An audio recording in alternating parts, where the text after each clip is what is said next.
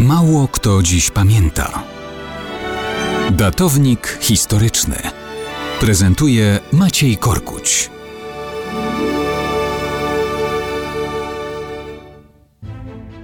Mało kto dziś pamięta, że 17 maja 1859 roku, a więc równe 140 lat temu, zablokowany został zbrojny pochód ponad 100 tysięcy żołnierzy cesarza Austrii Franciszka Józefa I. Była to wojenna wyprawa na Sardynię i Piemont rządzone przez Wiktora Emanuela II. Cesarz Austrii dość niewybrednie się wyrażał o swoim południowym sąsiedzie, nie unikając pod adresem króla terminów typu kieszonkowiec i złodziej. Oczywiście tu nic się nie działo przypadkiem.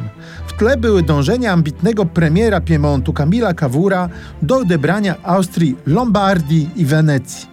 Sam Piemont mógłby się obawiać konfliktu z potężnym cesarstwem, ale rok wcześniej Cavour zapewnił sobie pomoc cesarza Francji Napoleona III. Stąd sekwencja wydarzeń była dość szybka. Piemont ogłasza mobilizację. Austria wypowiada wojnę i podejmuje zdecydowane kroki.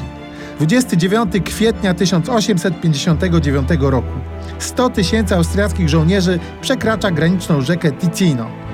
Piemont ma 67 tysięcy żołnierzy, ale na pomoc zmierzają już cztery korpusy wojsk francuskich. Bywały takie czasy, że Francuzi dotrzymywali zobowiązań militarnych. 17 maja pod Montebello Francuzi i Sardyńczycy powstrzymują parcie do przodu Austriaków. Od tej pory to oni będą iść naprzód. Wkraczają do Mediolanu. Kolejna bitwa pod Solferino to kolejna klęska Austriaków.